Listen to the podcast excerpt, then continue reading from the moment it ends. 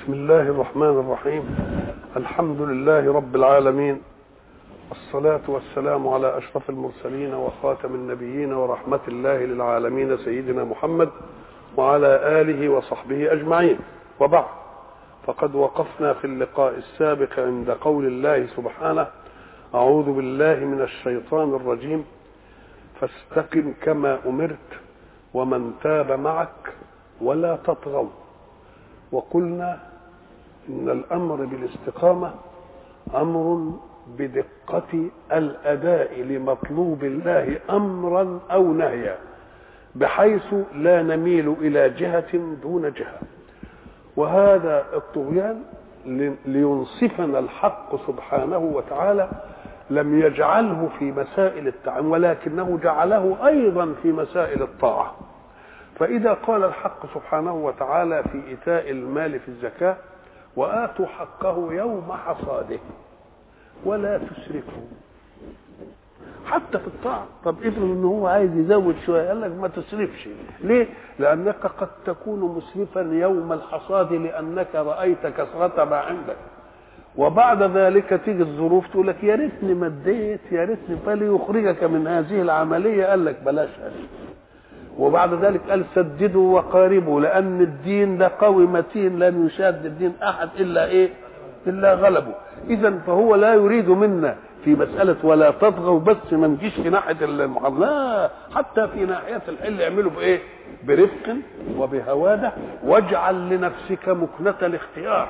ما ما تيجي تقول إيه؟ أنا ألزم نفسي بأنني أصلي كل ليلة عشرين ركعة وأعمل كذا. يقول لك لا دع لنفسك حرية الاختيار لأنك ساعة تنزل يمكن الأريحية بتاعة الطاعة وصفاء النفس تخليك تفرض على نفسك أشياء. لما تيجي تزولها بعد كده تبقى صعبة إيه عليك؟ فتكره النفس. فإحنا عايزين تبقى إيه؟ استقيم وإحنا قلنا بقى إن الاستقامة عايزة إيه؟ دقة في تحديد المأمور به والمنهي إيه عنه. ولذلك كان الاحتياط دائما في أمر العبادات أوسع لمن يطلب الاستقامة. الحلال بين والحرام وبينهما أمور. المشتبه ده عشان نبقى ما نعرفش نيجي فيه. قال لك فمن ترك ما شبه له فقد استبرأ لدينه إيه؟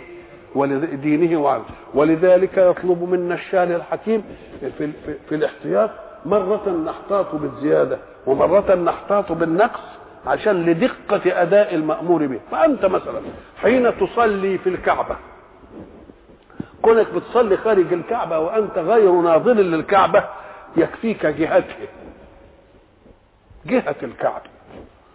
لكن لما تكون بتصلي وأنت شايف الكعبة يبقى كعبتك إيه؟ عين الكعبة.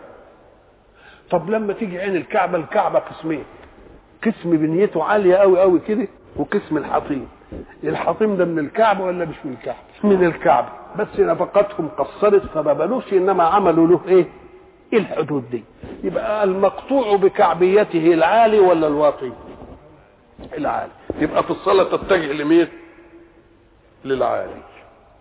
ما تجيش أمام الحطيم كده وتعمل للحطيم كده. لا تتجه لمين؟ للعالي. دي الموثوق بإيه؟ بكعبيتها الآن دي كسبع تدرع. سبع تدرع ونص. آه مش عارف كام وكام. اتجه للمقطوع بإيه؟ بكعبيته. اذا ففي الصلاة احتط بإيه؟ احتط بالنقص. مش كده؟ طب وفي الطواف؟ احتط بالزيادة. طفت بعيد قوي. ليه؟ لأنك إن شاء الله تطوف حوالين المسجد. تبقى طفت ولا ما إذا فالاحتياط يحدد معنى إيه؟ الاستقامة. فاستقم كما أمرت. ومن تاب معك وقلنا علة ومن تاب معك جاء هنا ليه؟ يناس للنبي بأن الكفار سينهارون تباعا. ولا تطغوا. إنه بما تعملون بصير. هناك قال خبير وهنا قال إيه؟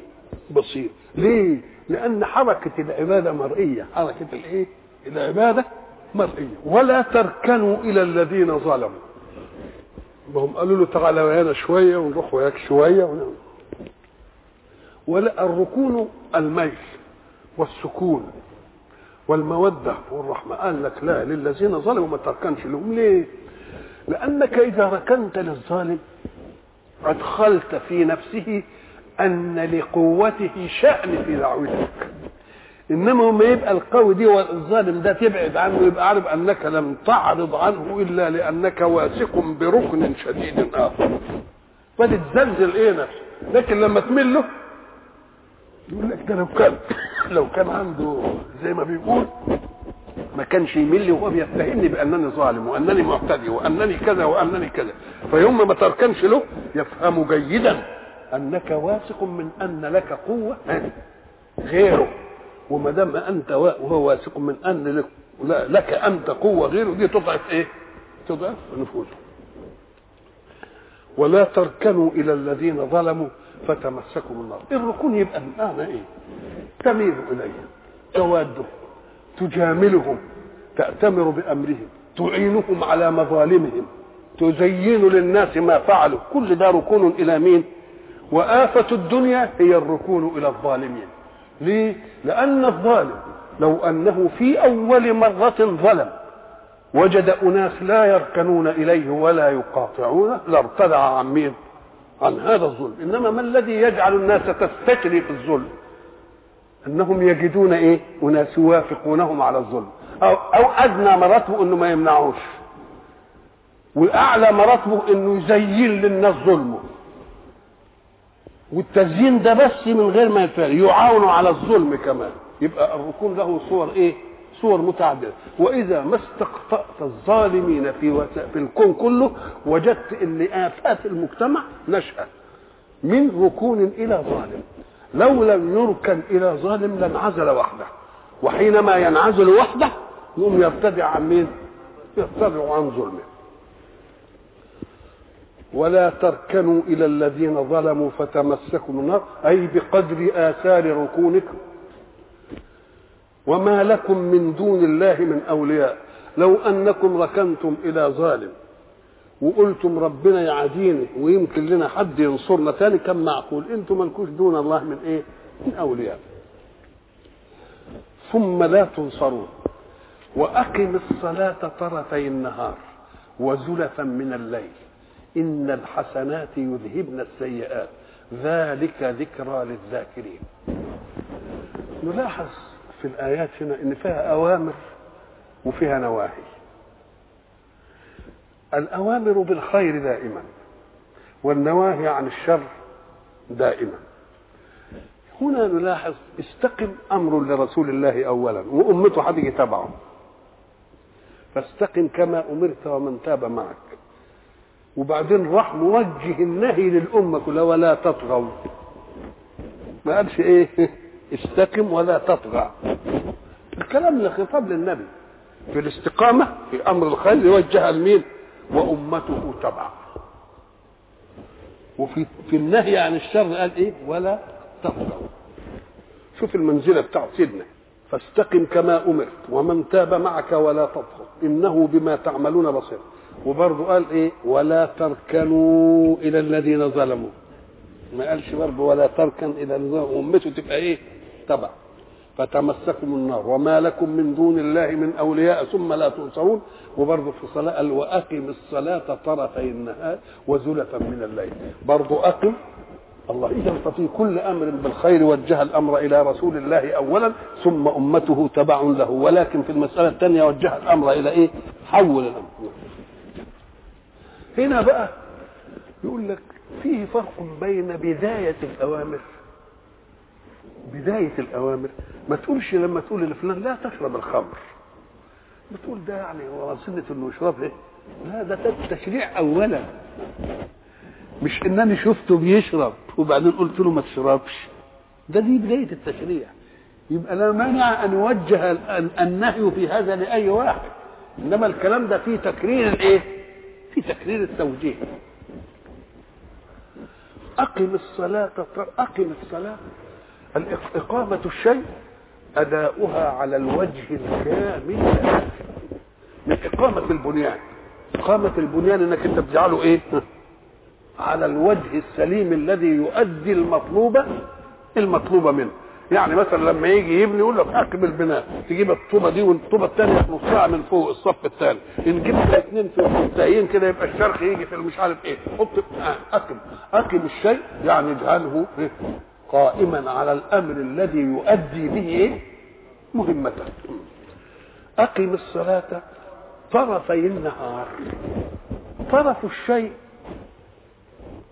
نهايته من هنا. طرفين يعني نهايته من هنا ونهايته من هنا. النهاية دي تتحدد إزاي؟ أم قال لك يبقى للشيء ما دام له طرفين يبقى له إيه؟ وسط. يبقى اللي بين ألو... الوسط ده هو الفاصل بين الطرفين. يبقى اللي على اليمين طرف واللي على الشمال طرف. كل جزء بعد الوسط طرف. كل جزء بعد الوسط إيه؟ طرف. يبقى عملهم طرفين اثنين جه خط كده وخد 10 نهايه من هنا و10 من هنا. يبقى ال10 اللي هنا طرف وال10 اللي هنا إيه؟ الناس بتفهم الطرف وما ما به تنتهي الأشياء.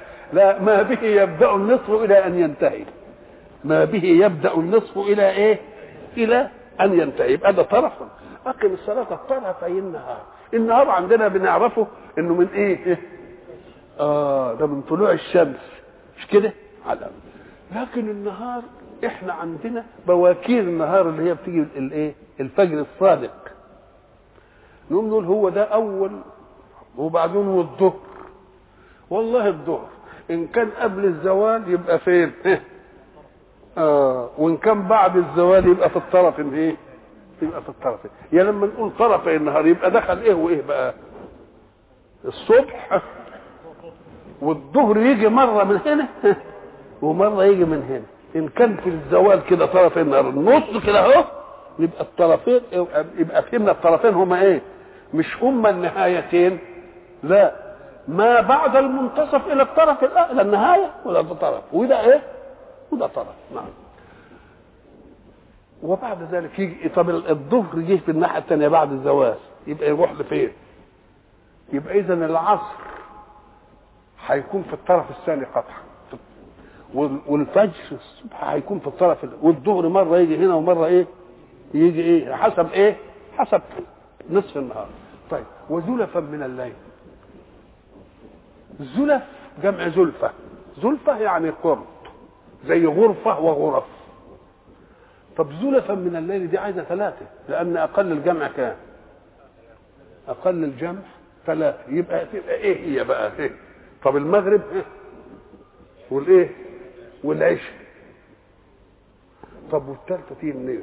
أهو ده الحجة اللي خلى أبو حنيفة يقول إن الوتر واجب. اللي خلى أبو حنيفة يقول الإيه؟ ولكن لما كان بالالتزام فرق بينه وبين الفرض فقال إيه؟ العشاء فرض إنما الوتر واجب. الوتر إيه؟ لأن عنده فارق بين الفرض وبين الإيه؟ وبين الإيه؟ وبين الواجب. أقم الصلاة طرفي النهار وزلفا من الليل. الله. بعدها على طول كده إن الحسنات يذهبن السيئات. زي التعليل. طب ليه هنعمل طرفي النهار الليل قال لك ده زي التعليل. إيه يعني؟ معناها إن زي ما قال الصلاة للصلاة كفارة لما إيه؟ اختلفوا بقى في الحسنة وفي السيئة محدودها إيه؟ أم قال لك الحسنة هو ما جعل الله على عملها ثواب والسيئة ما جعل الله على عملها إيه؟ عقاب. طيب أول الحسنات في الإيمان إيه؟ أن تشهد أن لا إله إلا الله. ده أول شيء في الإيه؟ في الحسنات. طب الحسنة بتاعت الإيمان أذهبت سيئة الكفر صحيح الحسنات يذهبن الإيه؟ السيئات. هم العلماء قال لك إذا كان الإيمان قد أذهب حسنته أذهبت سيئة الكفر. يبقى يا من تقول ان المؤمن اللي عمل معصية وكبيرة يخلد في النار يبقى ما الفرق؟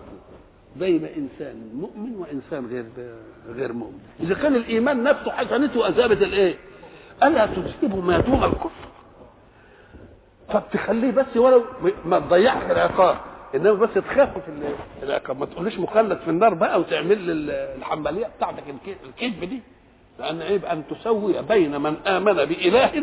خدت بالك وبين من لم يؤمن بإله. لما ده يقلد في النار وده يقلد في النار. يبقى ما الذي صنعته كلمة الإيمان. يبقى صنعت كلمة الإيمان. لازم تقول إن دي أكبر حسنة وإذا كانت قد أذهبت الكفر يبقى من الباب. أولى أن تذهب إيه؟ ما دون الكفر. أو على الأقل ما تذهبهاش بس إيه؟ تخففه بدل ما تقول مخلد في النار يبقى يدخل النار بس مش إيه؟ لسه مش مخلد إذا فقالوا في الحسنة أهي الفرائض. ان الحسنات اللي هي الفرائض. تذهب السيئات. أم قال لك يا أخي ده في أحاديث وردت في غير الفرائض. ألم يقل مثلا يوم عرفة إلى عرفة؟ مش كده قايل. آه وألم يقل إن ال إن ال ال ال الإنسان الذي يستقبل نعمة الله بقوله آه الحمد لله الذي رزقنيه من غير حول من مني ولا قوة والحمد لله الذي كفاني برضه من غير من غير حول ولا قوة. يقول لك الكلمة دي تكفر. إذا قلت سبحان الله والحمد لله ولا إله إلا الله والله أكبر ولا حول ولا قوة إلا بالله العظيم تكفر. يبقى الحسنات المطلقة ولا لأ؟ يبقى الحسنات المطلقة سواء كانت فرضا أو غير إيه؟ أو غير فرض. يذهبن السيئات. السيئة عمل توعد الله عليه بالعقوبة. فإذا يذهبن السيئات طب السيئة ما دام عمل وهل العمل إذا وقع يرتفع؟ كيف كيف تذهب السيئة؟ الحسنة تذهب السيئة إزاي؟ ده السيئة إذا وقعت ما ترتفعش. لا. لازم تشوف بقى. الذهاب إما أن يكون ذهاب للفعل وده مش متأتي لما وقع. وإما أن يكون الذهاب لمن يحفظ الفعل ويكتبه عليك يمحوه الله من كتاب سيئات سيئاته. أو يكون من العقوبة. يبقى اذا إذهاب الفعل في ذاته غير متأت لأن الواقع لا يرتفع. يبقى الحسنات يذهبن السيئات مش مش مفهومة على أنها تمنعها لأن السيئة وقعت والواقع لا يرتفع. لكن السيئة إذا وقعت ما الذي يترتب عليها؟ يترتب عليها حفظها ما يلفظ من قول إلا لديه إيه رقيب إيه وإن عليكم لحافظين كراما كاتبين. يبقى اذهبها إنها تت... إيه تطلع من إيه من كده. أو برضه تفضل في الكتاب وبعد ذلك النهاية إيه؟ النهايه نتاع عقوبة يبقى يذهب الله عقوبتها. يبقى إذا إذا كان الفعل الواقع لا يرتفع يبقى الذهاب لازم يتجه إلى حاجتين اثنين إما أن يمحوها من كتاب سيئاته وإما أن إيه؟ أن يغفرها فلا إيه؟ يمحو عقوبتها. إن الحسنات إيه؟ يذهبن السيئات. طيب ما دام حسنات تذهب سيئات يقول لك الحق سبحانه وتعالى يقول إيه؟ الذين يجتنبون كبائر الإثم والفواحش الا من ربك واسع الايه يبقى اجتناب الكبائر بيعمل إيه في الصغائر؟ طب إن الصلاة تنهى عن الفحشاء والإيه؟ والمنكر. تنهى يعني إيه هنا؟ تنهى إزاي تنهى عنها عنها؟ أم قال لك لأن الذي يتعلق قلبه بالصلاة؟ نقول الصلاة كام خمسة. فيه وقت فيه زمن من الليل ده للنوم. شوف زمن الحركة. كل واحد لما يجي عبد يعمل معاصي هيقعد يفكر فيها مدة وبعدين يؤديها في مدة ويعيش في ضياع مدة. لما يكون مشغول وقته بخمس أوقات في لقاء الله أظن برضه يعني إن حصلت مرة ما تحصلش إيه؟ تاني مرة. أو أن الصلاة تنهى عن الفحشاء والمنكر ولو على الأقل في وقتها ووقت الاستعداد لها. اللي قاعد يغتاب وقاعد ينم وقاعد يظلم في الناس يبقى على ساعة ما يقوم يتوضأ ويقوم يروح يصلي يبقى على الأقل إيه رحم الناس فترة وضوئه وفترة صلاته وفترة ختمه بتاع المدة دي من إيه من من الزمن يجي يقول لك طيب إذا كان في أعمال كتيرة فروض وحسنات كتيرة وتنغفر السيئات. يبقى الثانية تعمل إيه؟ أم قال لك يا أخي تزود لك حاجة بقى تفضل الحسنات لك يعني ما انشغلش بأنها تمحو إيه؟ تمحو سيئات تبقى تفضل لك ولا ما تفضلش؟ تبقى تفضل لك. وأقم الصلاة طرفي النهار وزلفا من الليل إن الحسنات يذهبن السيئات ذلك ذكرى للذاكرين ذلك ذكرى نعم ما هي الذكرى الذكرى هي تنبيه النفس إلى شيء غفل عنه. يبقى هي موجودة. يبقى كان موجود الأول. بس حصل في إيه؟ الغفله يبقى الإخبار الأول يزيل الجهل. الإخبار الثاني يعمل إيه؟ أنت ما أنتش جاهل الحكم. إنما يجعله يمر على بالك قال لك ليه؟ ال ال الإنسان أن الأمور التي تمر به المرائي أو المدركات حين تدرك الأشياء بتيجي ببؤرة شعورك. وبعد ذلك ليأتي معنى جديد لازم المعنى اللي جه في بؤرة الشعور يتزحزح إلى حاشية الشعور بس الحاشية القريبة. فإذا ما جاء خاطر ثالث يزحزحوا بعض كده. أنت لا لا إذا وقفت على شاطئ بحر ورميت بحجر يوم الحجر يجي هذا سميه بؤرة الشعور. وبعدين يعمل إيه؟ يعمل دايرة. الدايرة إيه؟ آه. إلى أن تذهب إلى مين؟ إلى الشاطئ. بس هي بتذهب إلى الشاطئ بغير مرأى منك لأنها بتذهب كل مرة إيه. كل ما تتسع. أنت أنت إذا جبت قطعة عجين وعملتها زي الحبل كده ولفتها تحت. إن عملتها في هذا القطر تبقى تخين. طب إن وسعتها شوية لازم ترفع. كل ما توسعها إيه؟ فلما تروح في البحر الطويل ده ترفع ما تدركش. إنما هي بتروح لمين؟ ما دام حصلت هزة لازم الهزة تروح بس الهزة إيه؟ غير مدركة. غير؟ أهي حواشي الشعور بالشكل ده. بدليل أنك تظل عشرين سنة أو ربع قرن وبعدين تفتكر حاجة حصلت لك من عشرين سنة. ما دام افتكرتها كانت فين؟ أين؟ أين كانت؟ إنها في حاشيتك حاشية الشعور البعيدة.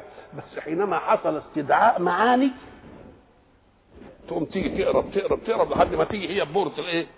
بس علشان ما تيجي ببؤرة الشعور إياك أن تصدمها بخاطر جديد يقف في بئرة الشعور. ولذلك يقول لك ده فلان ده ذكي ده بيفهم من مرة واحدة يقول له لا ابدا. المخ زي الآلة الفوتوغرافية. يلتقط من مرة واحدة. مش واحد بيلتقط من مرة واحد بيلتقط من مرتين واحد من ثلاثة واحد من لا هو يلتقط من مرة واحدة. امال إيه؟ بس المهم أن يصادف التقاطه خلو من خاطر غيره. البؤرة تكون خالية. ولذلك ال ال ال ال ال الذين أنعم الله عليهم بنعمة إن بصرهم مأخوذ منهم نعمة. يقوم يجي يقول لك ده أحفظ للعلم. ليه؟ لأنه لما بيقعد يسمعك مفيش خواطر مرئية تودي بؤر الشعور لحاجة ثانية مفيش إلا هي. إلا أن يكون قد شغل نفسه بخواطر قبل. يبقى أهو ده الغبا بتاع الأعمى بقى. يعمل إيه؟ ده هو مفيش مرائي جديدة له. المفتح هو بيقعد يسمع منك بيفكر شاف واحد ماشي. شاف مش عارف إيه. ذهنه راح. فذهنه تبقى بؤرة شعوره انشغلت. يبقى ما ياخدش منك. خلاص. تقوم تضطر تكرر له الحكاية علشان تصادف. فيه. خلو بؤرة الشعور من الخاطر فيستقر الإيه؟ فيستقر الخاطر. ضربنا لذلك مثل بالتلميذ. تلميذ راح في امتحان الصبح وبعد ذلك قابله زميل له في الفسحة بتاع فقال له أنت ذاكرت الباب الفلاني؟ يقول له لا والله ما ذاكرتوش ما حصلتوش. يقول له يا شيخ ده بقوله جاي منه سؤال. يقوم يخطف كتاب من زميله ويفتحه ويقعد يقرأ الحتة اللي بيقول عليها سؤال. ويطلع على السلم عشان رايح الفصل. يقراه هو إيه؟ وهو طالع ويحط الكتاب ويدخل يلاقي السؤال جه. يعمل إيه هو بقى؟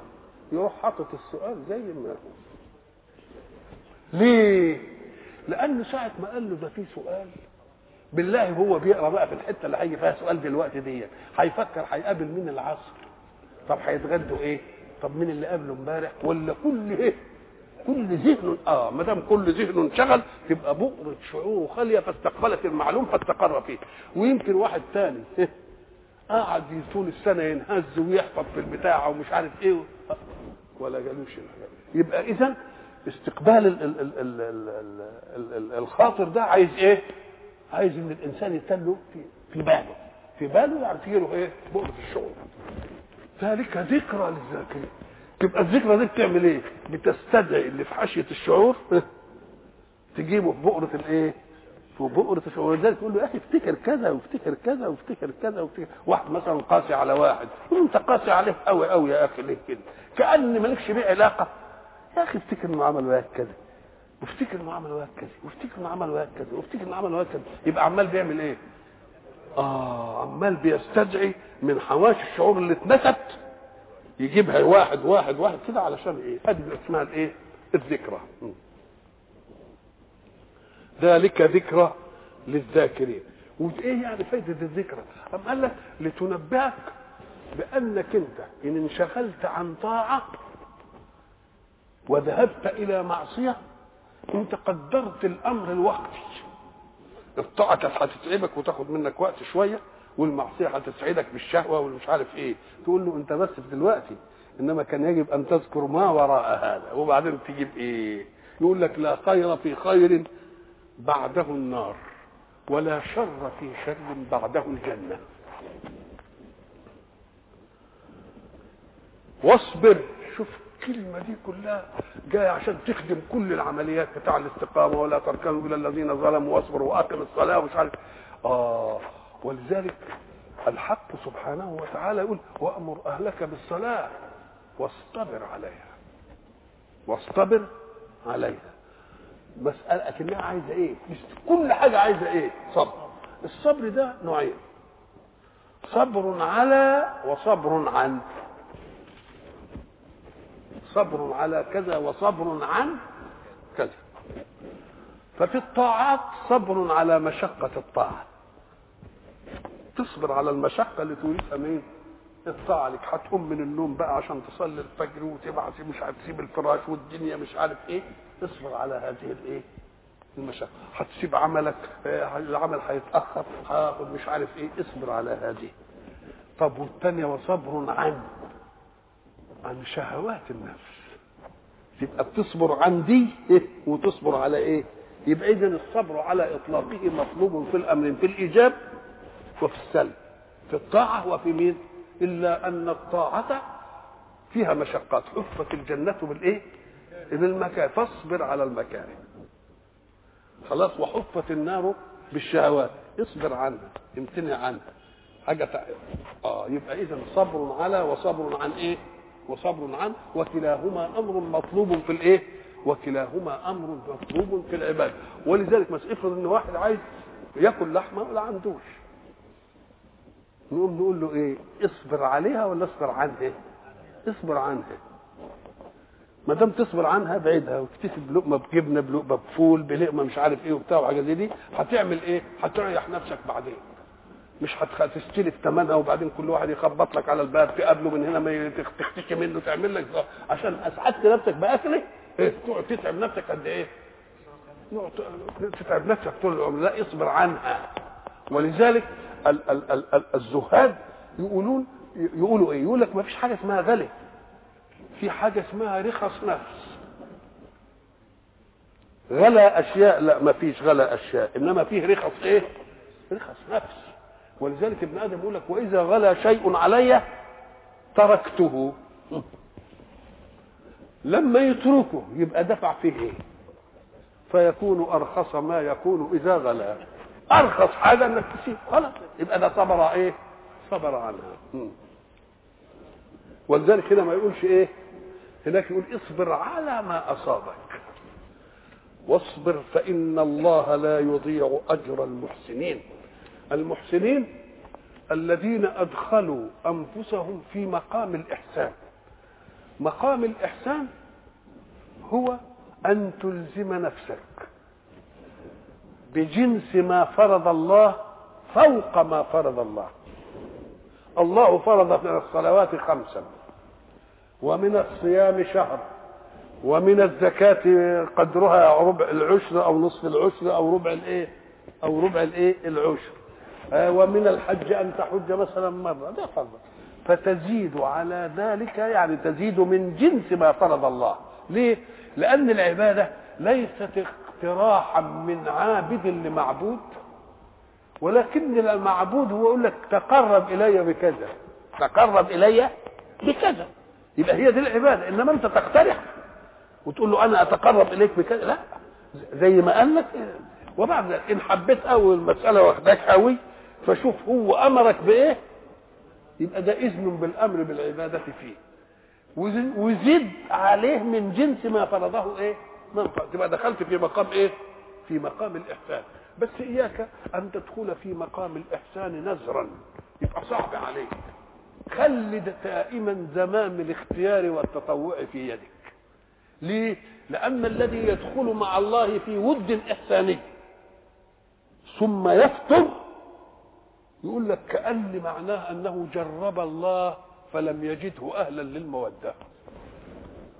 فأوعى تعملها دي اهي لا تطغوا من هناك خلي المسألة في إيه؟ في إيدك دائما. إيدك؟ آه. فإذا دخلت في مقام الإحسان فاعلم أنك لا تقترح عبادة تعبد بها الله. لأن العبادة معناها طاعة عابد إيه؟ لمطلوب معبود. ولذلك ده اللي بنرد به على الذين يدعون من دون الله آلهة. يقولوا انت بتعبد الشمس؟ طيب الشمس بقى بتعبدها يعني إيه؟ العبادة هي طاعة العابد لمين للمعبود. طب الشمس قالت لك اعبدني إزاي بقى؟ نقعد كده مع بعض نشوف الحكاية دي. ملهاش ما قالت لكش اعمل كذا. يبقى إيه العبادة اللي أنت بتعبدها بقى دي إن شاء الله؟ يقول لك ما نعبدهم إلا ليقربوا. طب بتعبدهم؟ قالوا لكم أعبدونا إزاي؟ ما دام العبادة إن طاعة عابد لأمر معبود. قول هي قالت لك إيه؟ اعمل إيه؟ وإحنا طيب اللي يعمل كده تعمل له إيه؟ توديه إيه؟ واللي ما يعملش كده تعمل له إيه؟ يبقى إله بلا منهج عبادة. ما قالكش اعمل كذا يبقى ده ينفع؟ يبقى ما ينفعش. وقلنا ما دام دخل في مقام الإحسان يبقى ما يسيرش عليه اللي انت بتشوفه مع الناس في قضايا الإيمان العامة. إذا دخل في مقام الإحسان ثم رأيت عليه إشراقات فيوضات ما تنكرهاش عليه. ليه؟ وإلا لسويت بين من وقف عما فرض عندما فرض بمن خاد عما فرض من جنس ما فرض. وجرب أمر ذلك في نفسك. التزم منهج الله. هات دورة فلك. أسبوع. التزم أمر الله ساعة ما يدنا الفجر تروح وتتوضا وتروح تصلي وتروح المسجد وتيجي والظهر برضه كذلك وتلتزم ما بين الصلاتين ما تعملش مش عارف إيه. وشوف نفسك. أخفت نفسك كثافة الظلمانية رقت بقت عندك إشراقات أخرى غير الأمور العادية اللي هي إدراكات الحواس. آه. إن حصل لك ذلك من دورة أسبوع واحد فإذا رأيت واحد ارتضى هذه الرياضة شهر ما تستبعدش عليه بقى. ما تستكثرهاش عليه. نقول ده أنا من أسبوع واحد أصبحت عندي إدراكات غير وسائل الإدراك المعروفة. يعني يقولوا لي هنطبخ إيه النهارده؟ أقول لهم مشوها النهارده كده ومش عارف إيه. وبعدين تبتدي تلاقي أخوك جاي من الريف وجايب لك فطير وجايب لك لحم وجايب لك مش عارف إيه وجايب لك إيه. يقول لك الله أنت كنت عارف. والله ما أنا عارف. لا ما هي الله. يبقى في إيه؟ يجي لك الواحد يكلمك في المسألة الفلانية. يقوم الله سبحانه وتعالى يدير بصيرتك إن هو جاي مثلا مش عارف إيه. يقول يا سلام ده الراجل بيكشف. ده الراجل بقى مش عارف إيه. مثلا. يبقى ما دام ارتضى اسبوعا فوجد خفة في ظلمته. الظلمه بقت خفيفة. الإشراق تجلى. بقت له وسائل إدراكية ثانية يبقى أنت ما إيه؟ لما يجي واحد يقول لك أعلى منك قول صح ده أنا من أسبوع واحد حصل مثلا كذا وكذا وكذا. ولذلك المرتاض ولو بداية لا يعترض على المرتاض نهاية. ليه؟ لأنه عنده من سوابق رياضته وإن قلت ما يجعله يصدق وإن كثرت. ساعة ما يسمع يقول لك صح ده من ده من أسبوع واحد حصل مثلا كده. ولذلك أهل النور وأهل الاشراقات أنا ماليش دعوة بالأدعياء. إحنا ما بنتكلمش على مين؟ على اللي بيدعي بقى والأدعياء. لا ابدا. أهل الاشراق وأهل الجهل الذين ينكرون عليهم يعذرونهم. يقول لك طب ده, ده, ده ما كانش ينكر علي أنا أزعل. لأن لو أنا قلت له حاجة هي عنده مع إنه مش مرتاض ولا مش ملتزم لكن لما أنا أشعر كده بأنني بقول حاجة هي بعيدة عنه أشعر أن الله خصني بإيه؟ خصني بأشياء أقوم أزيد فيما أنا فيه ولا لأ؟ ولذلك تجد الحق سبحانه وتعالى حينما عرض هذه القضية يريد أن يضع للمرتاض ولغير المرتاض معا حدودا بحيث لا يتعدى المرتاض حدوده ولا غير المرتاض يتعدى حدوده موسى حينما ذهب إلى للعبد الصالح. عبد من عبادنا آتيناه رحمة من عندنا وعلمناه من لدنا إيه؟ طب ماذا كان الموقف؟ قال له إنك لن تستطيع معي صبرا. الله. يبقى أعطى لنفسه إيه؟ وعذر غيره. وكيف تصبر على ما لم تحط به خبرا يبقى عذر ولا لا؟ لا دلوقتي مش مع مش عذر. ده ساعة ما ينكر له حاجة يقول له أنت مش عارف إيه ويقعد يقول له لا. يقول له لا شوف الأدب أهو. إنك لن تستطيع معي وكيف تصبر على ما لم تحط به خبرة. قال له ستجدني إن شاء الله صابرا ولا أعصي لك أمر. قال له طب اسمع إن انت فلا تسألني عن شيء حتى أحدث لك منه ذكرى لكن برضه سيدنا موسى ما برضه حصل برضه ما قدرش. قال إيه في الآخر؟ بعد ثلاث ما قال له هذا فراق بيني وبينك. يبقى دي حكم أزلي بأن هؤلاء لا يلتقون أبدا. لا المرتاض وغير المرتاض. خلي المرتاض في رياضته وإشراقاته وافضل أنت بادبك إلزم إيه؟ إلزم. وأنت يا مرتاض إلزم أدبك واعذره في أنه ينكر. لأنه هيعمل إيه بس؟ طب ما عندوش حاجة. يبقى معذور في أن ينكر ولا لا؟ يبقى لو أن المرتاض عذر غير المرتاض. ولو أن غير المرتاض تأدب مع المرتاض لاستقام ميزان الكون واصبر فإن الله لا يضيع أجر المحسنين. وآية الزاريات تدلنا على المقام أعوذ بالله من الشيطان الرجيم. إن المتقين في جنات وعيون. في نهر ثاني. آخذين ما آتاهم ربهم. إنهم كانوا قبل ذلك محسنين. شوف بقى علشان تعرف إنه فوق ما فرض الله من جنس ما فرض الله. كانوا قليلا من الليل ما يهجعون. وهل كلف الإسلام الناس أن لا يهجعوا إلا قليلا من الليل؟ لا يا أخويا صلي العشي ونام ولما يجي الفجر يبقى قوم صلي. مش عايزين منك الليل. أفلح إن صدق. مش كده؟ كانوا قليلا من الليل وبالأسحار هم يستغفرون. برضه ربنا ما كلفنيش دي. إن خفت نفسي وكده وقمت أعمل. وفي أموالهم. لا ما فيش معلوم هنا. ده لو معلوم هنا ما تبقاش إحساس لأن المعلوم دي مرتبه ومنزلة الإيمان. إنما وفي أموالهم حق للسائل والمحروم ما قالش معلوم. يخليه 2.5% يخليه 10 يخليه 20 يخليه كله. هو حر. يبقى دخل. لكن في سورة سأل وفي أموالهم إيه؟ حق. معلوم. بيتكلم عن إيه؟ عن أصل الإيه؟ الإيمان. واصبر. فإن الله لا يضيع أجر المحسنين. وما دام لا يضيع أجر المحسنين ده الانسان منه. لو رأى إنسانا خصه بود فوق الود الإيماني العام بيعطي له من خصوصياته. افرض ان أنا مدرس مثلا في مدرسة ولا في كلية. ليه منهج ملتزم بيه مع طلابي. وبعدين آدي طالب في مادة ثانية مش مادتي أو في مادتي اللي فاتت يجي يقول لي كذا وكذا وكذا وكذا أقول له. في كذا كذا أقول له. في كذا كذا أقول له. دي مش داخلة في كذا الوظيفه بقى. يجيني في المسجد يقابلني في الشارع يقابلني يجي لي في البيت يقعد مش عارف. يبقى ده فوق إيه؟ فوق مرتبة الإيه؟ الكادر العملي. يبقى ده اسمه إذا كان الإنسان مع الإنسان يخص من خصه بوده بشيء من مواهبه الفائضة. إن كان عالم يديله علم. طب وإن كان غني وهو شايفه معذور في حاجة فوق الزكاة مثلا أكثر من يديله إذا كان الإنسان أخو الإنسان حينما يخصه أخوه بود زائد يعطي له من فضل الله عليه فيما زاد فيبقى ربنا سبحانه وتعالى يتخلى عمن دخل معه في مقام الإحسان أن يفيض عليه من فيوضاته يبقى لازم يحصل هذا. واصبر فإن الله لا يضيع أجر المحسنين. فلولا كان من القرون من قبلكم أولو بقية ينهون عن الفساد في الأرض إلا قليلا ممن أنجينا منهم. قلنا زمان في سورة يونس فلولا كان من القرون من قبلكم أولو بقية ينهون عن الفساد في الأرض إلا إيه؟ قوم يونس. جابهم بالزقوم هنا كلمة لولا لها استعمالين اثنين في اللغة. إن دخلت على جملة اسمية تبقى دلت على امتناع لوجود. امتنع هذا لوجود هذا. لولا أن اباك فلان لضربتك على ما اذنبت يبقى أنا ضربت ولا ما ضربتش؟ ما ضربتش. يبقى لولا إن فلان أبوك لضربتك. امتنع الضرب لوجود بنوتك لفلان. يبقى لولا هنا إيه؟ حرف امتناع لوجود. لولا الغمد يمسكه لسالم لولا أنتم لكنا إيه؟ مؤمنين. الله.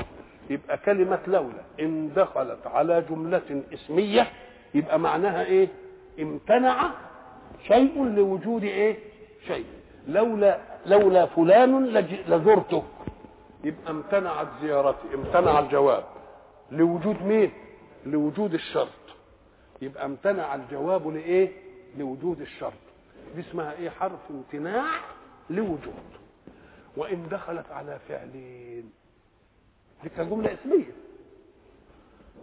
لولا ذاكرت لتنجح. يبقى اسمها تحضيض وحث تحضيض وحث لولا ذاكرت بتقولها له طول السنة. لولا ذاكرت أو هلا ذاكرت لولا زي هلا هنا هلا ذاكرت لتنجح؟ يبقى بتحسه على مين؟ عن المذاكرة. علشان يتحقق إيه؟ النجاح. يبقى ده اسمها حث فإن حسسته على شيء فات زمنه. طب أنت بتحثه عشان يفعل. طب وإن كان فات زمن نقول أنت عندك ولد وولد تاني الولد ولد منهم نجح وولد إيه؟ رسب. اللي نجح كان بيجتهد وبيروح المدرسة واللي رسب كان بيلعب. يوم بعد ما ظهرت النتيجة بقى وده نجح وده سقط هتقول إيه؟ للراسب. لولا ذاكرت لتنجح كاخيك طب الكلام ده كنت تقول له عشان تحثه على إنه يذاكر. ده الزمن فات وانتهى. يبقى ده تقريع وتوبيخ وأسف. يبقى لولا لها استعمالين إن دخلت على جملة اسمية فهي حرف امتناع الجواب لامتناع لوجود الشرط. وإن دخلت على فعل يبقى المراد منه حث المخاطب على أن يفعل. طب فإن كان الزمن قد انتهى ولا زمن للفعل يبقى أسف وتوبيخ على أنه لم يحدث. إيه زي ما زي إيه؟ أهو. لولا ذاكرت لتنجح كاخيك لكن ده الزمن فات ده النتيجة ظهرت. يبقى كده بتوبخه وبتخرعه. طب. والتوبيخ والتقريع ده فايدته إيه؟ أم قال لك تأسيفه على ما فات وشحن طاقته لما هو آت يبقى فيها حس ولا ما فيش فيها حس؟ يبقى فيها إيه؟ فربنا بيقول الله سبحانه وتعالى يقول لو كان من القرون اللي فاتت أولو بقية ينهون يعني كلهم كانوا مجرمين. بس ما فيش ولا ناس يعني كانوا ينهوا عن الفساد في الأرض فكأن الله لا يعم بالعذاب إلا إن عدم المد... إلا إن عدم المجتمع من ينهى عن الفساد إنما طالما موجود فيه نهي ناس عن الفساد بدليل إن فلما اسفونا انتقمنا منهم اغرقناهم من على إيه. طيب و... فلما نسوا ما ذكروا به أنجينا الذين ينهون عن الإيه من السوء واخذنا الذين ظلموا بعذاب إيه بعيد فلو كان هناك بقية كلمة بقية ما يبقى يعني. البقية هي ما إيه؟ ما يبقى. يقول لك ده في بقية من رجال. يعني كأن الرجال انتهم إنما فيهم إيه؟ يقول لك كم في الزوايا من خبايا وكم في الرجال من بقايا. فلولا كان من القرون من قبلكم أولو بقية. بقية من رأي بقية من عقل ينهوا الناس عن الفساد. كنا لو عملوا كده كنا منمنع عنهم الإيه؟ العمل وإلى لقاء آخر إن شاء الله.